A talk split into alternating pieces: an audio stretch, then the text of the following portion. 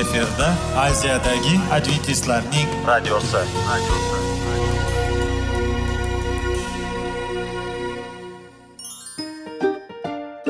assalomu alaykum aziz radio tinglovchilar. Sog'liq daqiqasi rubrikasiga xush kelibsiz. Zero tananing sog'lom bo'lishi va uning kasalliklardan saqlash har bir insonning burchi hisoblanadi. Inson uchun bebaho boylik bu sog'liq salomatlikdir. Uni asrash esa har birimizga omonat qilib berilgan. Shuning uchun ham inson o'z sog'lig'ini ehtiyot qilishi va ajib amallardan hisoblanadi. Dono xalqimiz sog'liq tuman boylik deb bejiz aytmagan.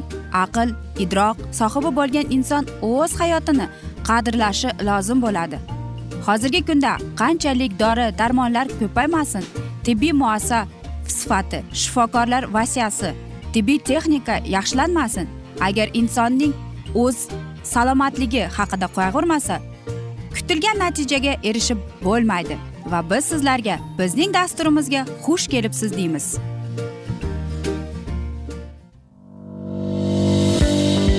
Sog'liq daqiqasi soliqning kaliti qiziqarli ma'lumotlar faktlar. Har kuni siz uchun foydali maslahatlar. Sog'liq daqiqasi rubrikasi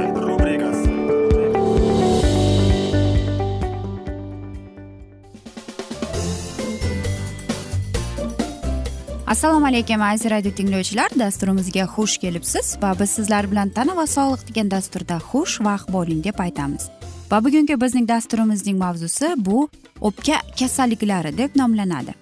Aziz radio tinglovchilar aytingchi nechta kasallikni bilasiz ayniqsa o'pkaga tegishligini? Bugungi dasturlarimizda biz sizlarga qanday kasalliklar bor o'pka kasalligini?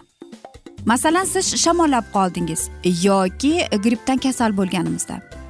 O'zimizni yaxshi qilmasak biz asli yengil respirator infeksiyalardan aziyat chekamiz. Aniqlashicha har bir odam hayoti davomida taxminan uch yil umrini shamollash bilan o'tkazadi ekan. Bolalar esa taxminan yiliga o'n marotabagacha kattalar esa yiliga besh marotabaga kasal bo'lishadi ekan.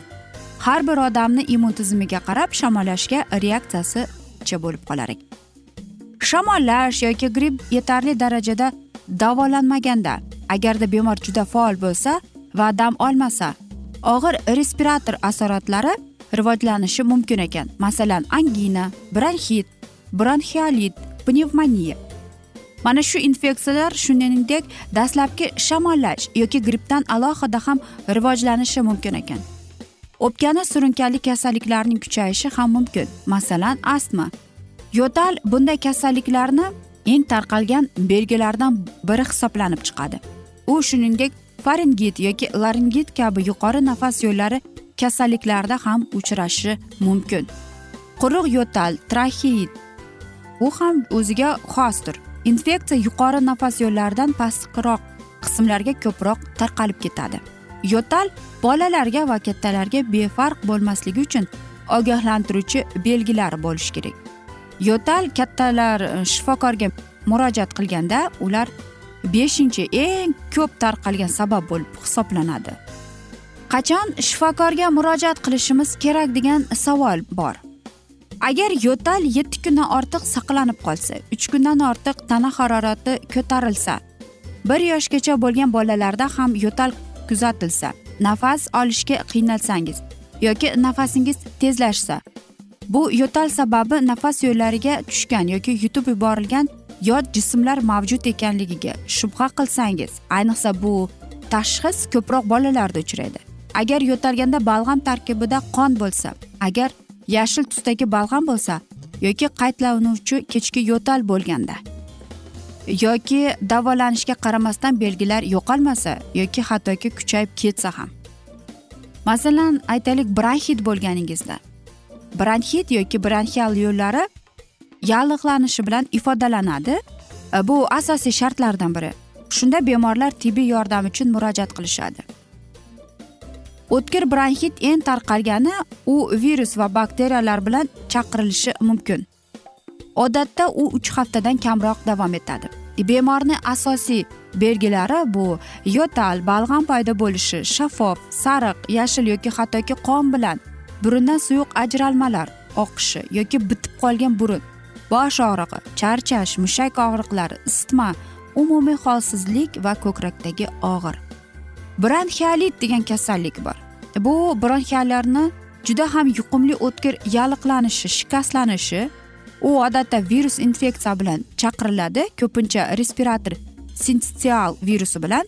Bu holat barcha yoshda uchrashi mumkin. Lekin jiddiy belgilari odatda faqat yosh bolalarda va chaqaloqlarda namoyon bo'ladi. Bronxialitni ko'plab bolalarda kuchli bo'lmagan belgilar bo'ladi va u ikki uch hafta davomida qayta tiklanadi.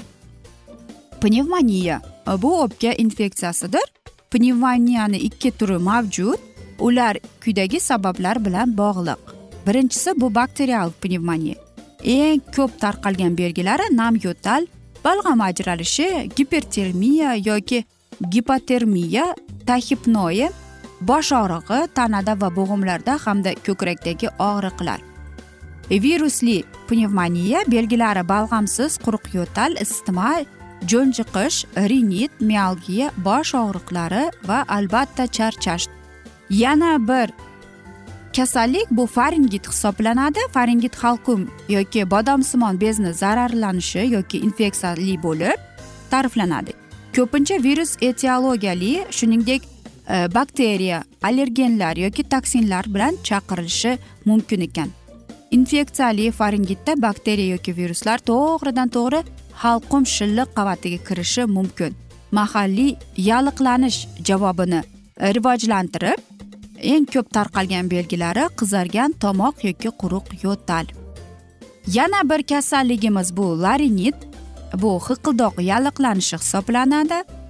Traxeit bor bu nafas yo'llarining yalliqlanishi yo'tal turlarining ham ko'p ammo lekin traxeyaga ta'sir qiladigan ko'plab holatlar bu virusli yoki bakterial infeksiyalar.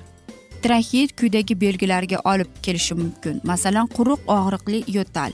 U infeksiya kechishi davomida nam yo'talga aylanishi mumkin.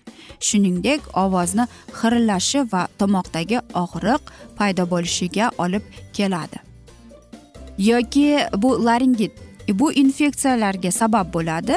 Laringitning asosiy belgilari quruq yo'tal ovozni xiralashiti va tomoqdagi va qiyin nafas olishi. Aziz do'stlar mana biz bugungi sizlar bilan dasturda mana shunday kasalliklarni o'qib eshittirdik.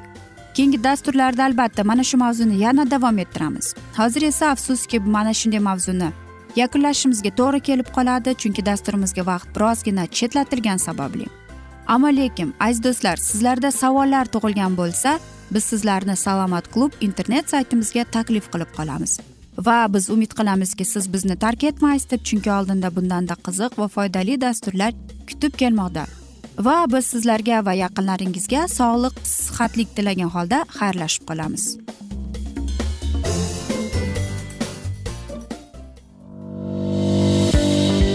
Sog'liq daqiqasi soliqning kaliti qiziqarli ma'lumotlar faktlar. Har kuni siz uchun foydali maslahatlar. Sog'liq daqiqasi rubrikasi.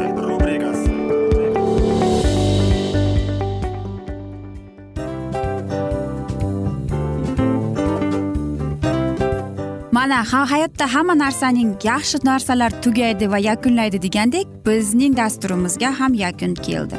O'ylaymanki bizning dasturimiz sizga foydali bo'ldi deb aziz radio tinglovchimiz. Va siz o'zingiz uchun kerakli xulosalar kerakli maslahatlar olib oldingiz.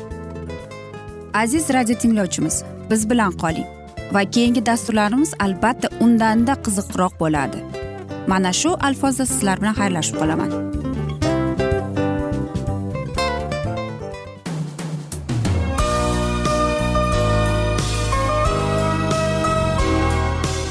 Efirda aziyadagi adventistlarning radiosi.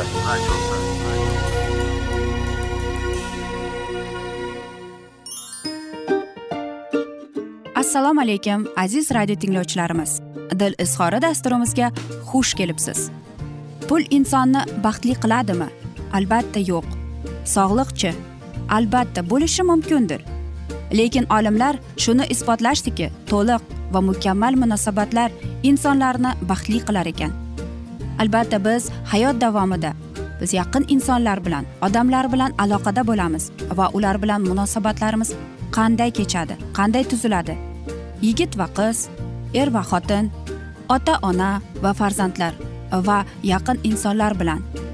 Balkim hozirgi vaqtda kimnidir hayoti yoki munosabatlari buzilyapti va bizning dasturlarimiz ularga yordam bo'ladi deb va oldinda sizlarni qiziqarli intervyular va mavzular kutyapti va biz umid qilamizki siz biz bilan qolasiz deb.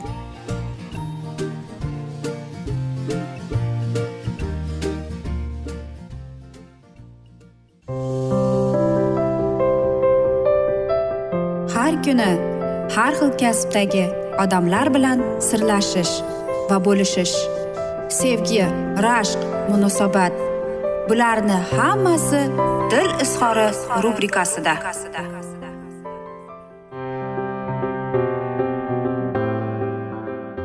Assalomu alaykum aziz radio tinglovchilar dasturimizga xush kelibsiz va biz sizlar bilan erkaklar marsdan ayollar veneradan degan dasturni o'qib eshittirishni boshlagan edik. Va bizning bugungi dasturimizning mavzusi. Er o'z ayolidan zerikkanligining alomatlari. Albatta biz mana shunday zerikkanligini sezib qolamiz lekin qanday qilib uni biz bilib olsak bo'ladi? Albatta ba'zi oilalarda er va xotinning munosabatlari sovishi kuzatiladi. Buning o'ziga xos sabablari bor albatta. Va mana shu maqolamizda mana shu o'sha sabablarni ya'ni erkaklarning o'z ayolidan zerikishi sovishning ba'zi belgilarini yoritishga harakat qildik. Ayol kishi eridagi o'sha o'zgarishlarni darrov payqab ularni bartaraf etish chorasini ko'rishga harakat qilishi lozim. Aks holda bu sovish chuqurlashib borib o'rta butunlay buzilishi va oxir oqibat o'sha oilaning inqirozga yuz tutishi mumkin. Shuning uchun ayollar bu borada hushyor bo'lishlari lozim. O'z o'rnida erkaklar ham o'z ayollarida quyidagi zikr qilinadigan belgilardan birortasini aytadigan sezsa bu muammodan qutulish yo'lini izlashlari lozim bo'ladi. Toki oilalar buzilmasin aksincha er va xotin bir biriga mehrli iltifotli bo'lib oilalari mustahkam turmushlari obod bo'lsin deymiz. Uning alomatlari qanday? Birinchisi bu er ayoli bilan birga o'tirganda hech gaplashmay jim o'tirishi. Bu albatta birinchi alomati. Ikkinchi alomati ayoli biror ishni chiroyli qilib tezda bajarsa ham uni rag'batlantirishga ko'ngli ko'tarishga urinmay beparvo bo'lishi. Uchinchisi bu xotinning qilgan ishlarini ko'p tanqid qilib turli ayblar topish. Xotinini arzimas kichik xatolarni ham kattalashtirib gapirishi bu albatta to'rtinchi alomat beshinchi alomatimiz bu xotin o'z ota onasini ko'rgani borib u yerda uzoq qolib ketsa ham parvo qilmasligi. Oltinchisi bu u er og'aynilari bilan ko'chaga ha deb chiqib ketaverib uyda ayolning yonida juda kam bo'lishi. Er uyida bo'lganda ham ayoli bilan gaplashmay ha deb televizor ko'rishi yoki kompyuter yonida uzoq o'tirib internet bilan band bo'lishi. Xotinning sarf xarajatlarga pul sarflashi xohlamasligi yoki juda oz miqdorda sarflashi. Uyda bo'lgan kezlarda ayolning yuziga hech nazar solmasligi. Xotiniga faqat jinsiy aloqa vaqtlarida e'tibor qaratishi. Er ayoliga o'zining charchaganligini toliqqanligini ha deb oshkora aytaverishi.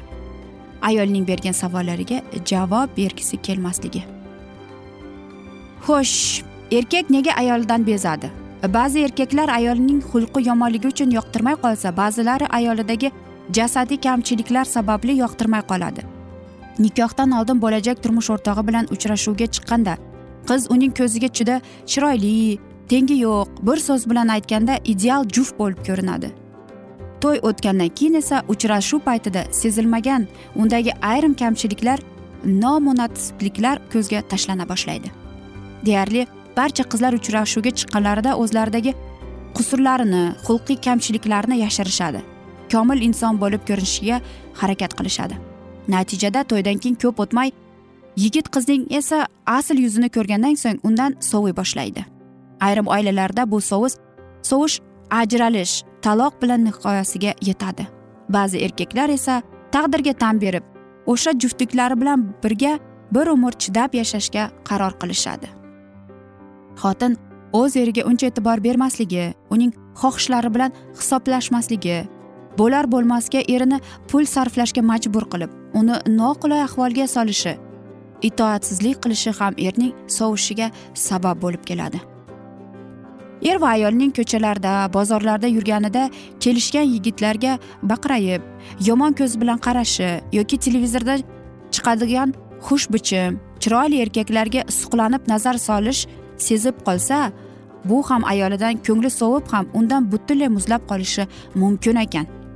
O'z o'rnida shuni aytib o'tish kerakki yuqorida keltirgan alomatlar ayolda sezilishi er ayoldan emas aksincha ayol eridan zerikkan sovigan bo'lishi mumkin. Shuning uchun mazkur alomatlarga erkaklar ham e'tiborli bo'lishlari xotinlarida ulardan birortasini sezilsa darhol uning chorasini axtarishlari kerak bo'ladi. Ayolning eridan zerikishga yuqoridek uchragan o'sha uchrashgan yigit to'ydan keyin u qadar ideal bo'lib chiqmagani unda ham turli kamchiliklar nomunosibliklar borligini sabab bo'ladi. Bundan tashqari er ayolning yonida begona ayol qizlarga tikilib qarashi ham ayolning sovushiga olib keladi. Mana shunday o'ylaymanki er xotinga bizning mavzuyimiz birozgina bo'lsada yordam bo'ladi deb. Chunki qarangki albatta hozirgi zamonaviyda yigirma birinchi asrning yosh oilalarning ajralishi judayam ko'payib kelmoqda. Lekin mana yuqorida sizlarga aytib o'tilgandek mana shunday alomatlar. Albatta biz uchrashib yurganimizga qancha bo'lmasin biz o'zimizdagi yomon hislarimizni xususiyatlarimizni bir birimizdan berkitamiz va to'ydan keyin esa albatta o'zimizning haqiqiy yuzimizni ko'rib kelamiz. Va mana shunday asnoda ko'ngil butunlay sovib ketadi. Lekin bir narsani unutmaslik kerakki biz hammamiz ham munosib yoki komil inson bo'lib tug'ilmaganmiz. Bizning hammamizning ham kamchiligimiz bor. O'zimizga yarasha fe'l atrofimiz bor. Ammo lekin biz o'sha insonga turmushga chiqdik uylandik va bu bizning qarorimiz bizning tanlovimiz. Aziz do'stlar mana shunday asnoda biz afsuski bugungi dasturimizni yakunlab qolamiz chunki dasturimizga vaqt birozgina chetlatilgani sababli lekin keyingi dasturda albatta mana shu mavzuni yana o'qib eshittiramiz. Va biz umid qilamizki siz bizni tark etmaysiz deb chunki oldinda bundanda qiziq bundanda foydali sizni dasturlar kutib kelmoqda. Va sizlarga va oilangizga tinchlik totuvlik tilab yuzingizdan tabassum hech ham ayrimasin deb seving seviling deb xayrlashib qolamiz.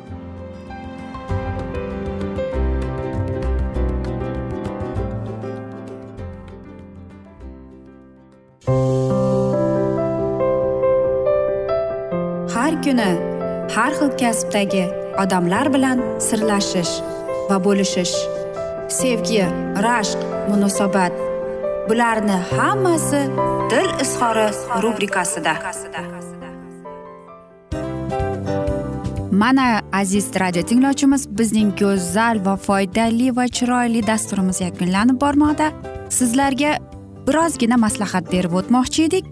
Bir biringizni seving. Qadringizga yeting. Va erkalang albatta bir biringizni va sizga judayam chiroyli va mustahkam munosabatlar tilab qolamiz albatta. Sevgilingiz doimo yoningizda bo'lsin. Mana shu borada sizlar bilan xayrlashib qolamiz. Xayr.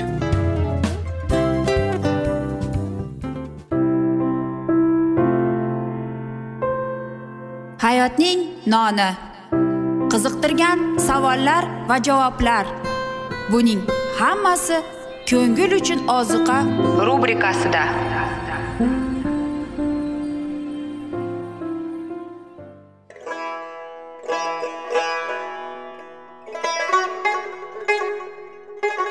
Assalomu alaykum aziz radio tinglovchilarimiz. Ko'ngil uchun oziqa rubrikasida xush kelibsiz deymiz. Siz haqiqatni izlayapsizmi? Olamnimi? Umidnimi? Siz kimga murojaat qilmoqchisiz? Odamlar ko'pincha siyosat kuchiga tayanadilar. Dunyo iqtisodiyoti holati tobora chuqurlashib bormoqda. Tabiiy ofatlar va texnogen halokatlar minglab insonlarning hayotini olib ketib juda katta zarar yetkazmoqda. Sizga abadiy hayot inomini hadya qiluvchi va hayotingizni tubdan o'zgartiruvchi haqiqatni izlab toping. Xudo haqidagi haqiqat uning kalomida mujassamlashgan. Kimki bu haqiqatni butun qalbi bilan izlasa albatta unga yetishadi. Bu sevgi xudoning tarixidir. Hayotingizda yoki sizning yon atrofingizdagi olamda nimalar yuz berishidan qat'iy nazar? Siz ertagi kunga buyuk umid va ishonch hosil qilishingiz mumkin. Hozirda xudo sizga taklif qilayotgan umid ishonchga o'z qalbingizni oching va sizni qiziqtirayotgan mavzularni savollaringizga javoblaringizni topib olasiz deb umid qilamiz. Biz bilan qoling.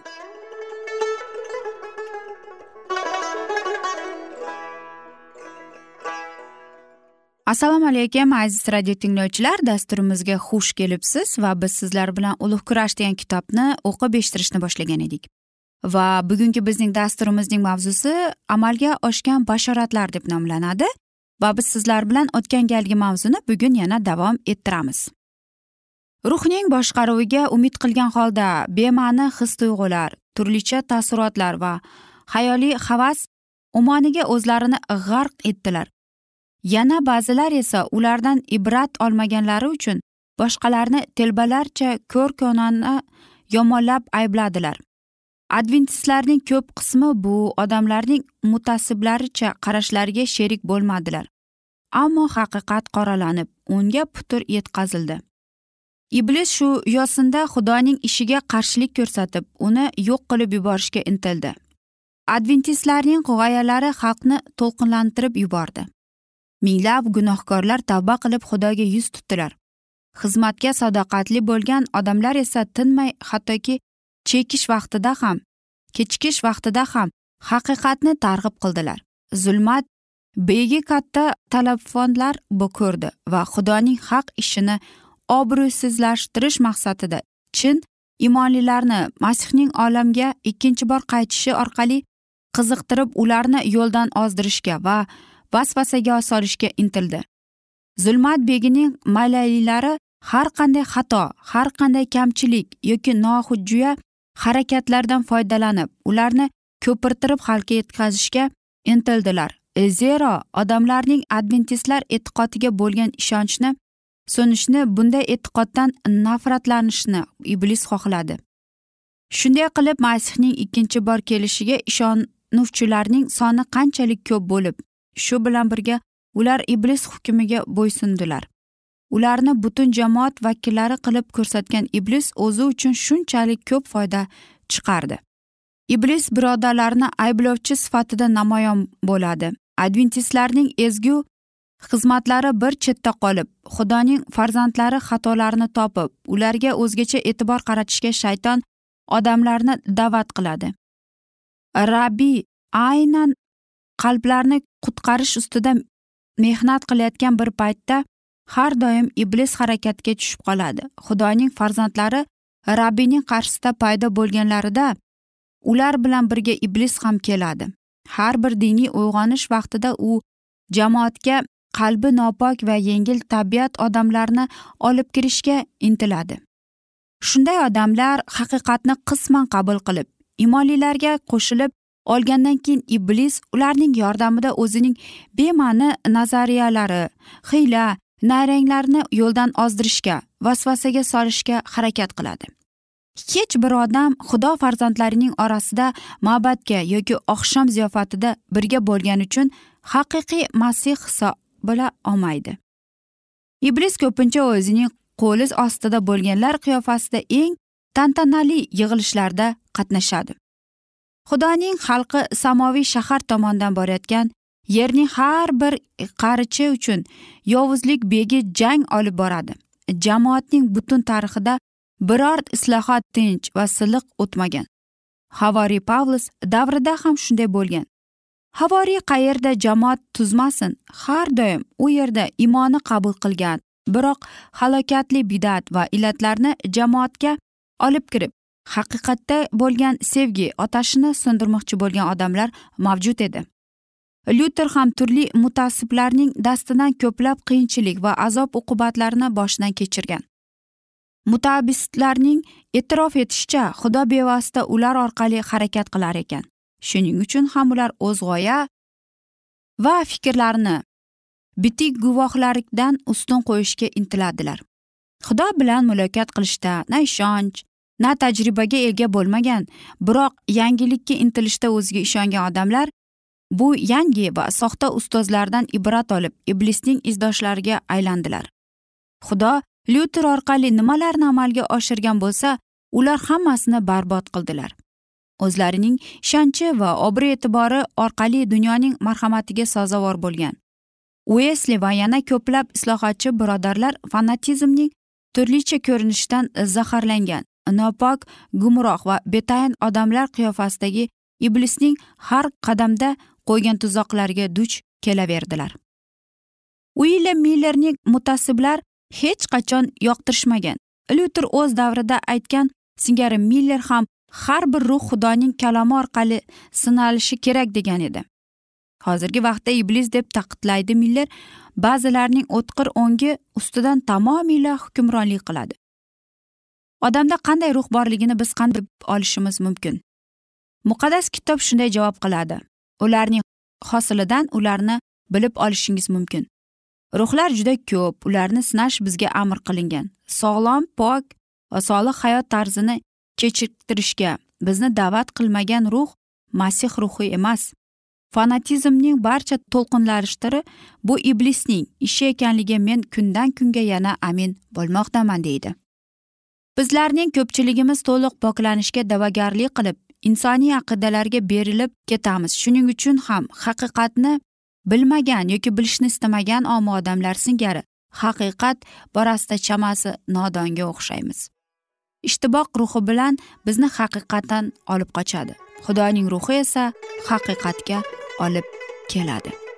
Aziz do'stlar mana shunday asnoda biz afsuski bugungi dasturimizni yakunlab qolamiz chunki bizning dasturimizga vaqt birozgina chetlatilgani sababli. Ammo lekin aziz do'stlar sizlarda savollar tug'ilgan bo'lsa biz sizlarni adventis tochka ru internet saytimizga taklif qilib qolamiz. Va biz umid qilamizki siz bizni tark etmaysiz deb chunki oldinda bundanda qiziq va foydali dasturlar kutib kelmoqda va biz sizlarga sog'liq tilagan holda xayrlashib qolamiz.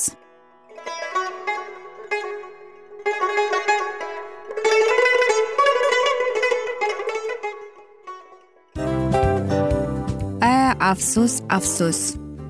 Hamma yaxshi narsaning ham yakuni bo'ladi degandek bizning foydali va qiziqarli dasturlarimiz ham yakunlanib qoldi. Va men umid qilamanki bizning dasturlar sizga ozgina bo'lsada maslahat berdi foyda berdi. Va sog'liq borasida ayniqsa sizlarga foydali bo'ldi deb. Va siz bizning maslahatlarga amal qilasiz deb. Albatta keyingi dasturlarda undanda qiziqroq undanda foydaliroq ma'lumot berishga harakat qilamiz. Undanda qiziqroq ko'rsatuvlar sizlarga hadya etishga harakat qilamiz. Bizni tanlaganingizga albatta sizlardan minnatdormiz. Sizlarga baxt omad va sog'liq tilab qolgan holda mana shu alfozda sizlar bilan xayrlashib qolamiz. O'zingizni ehtiyot qiling sog' bo'ling omad sizga xayr.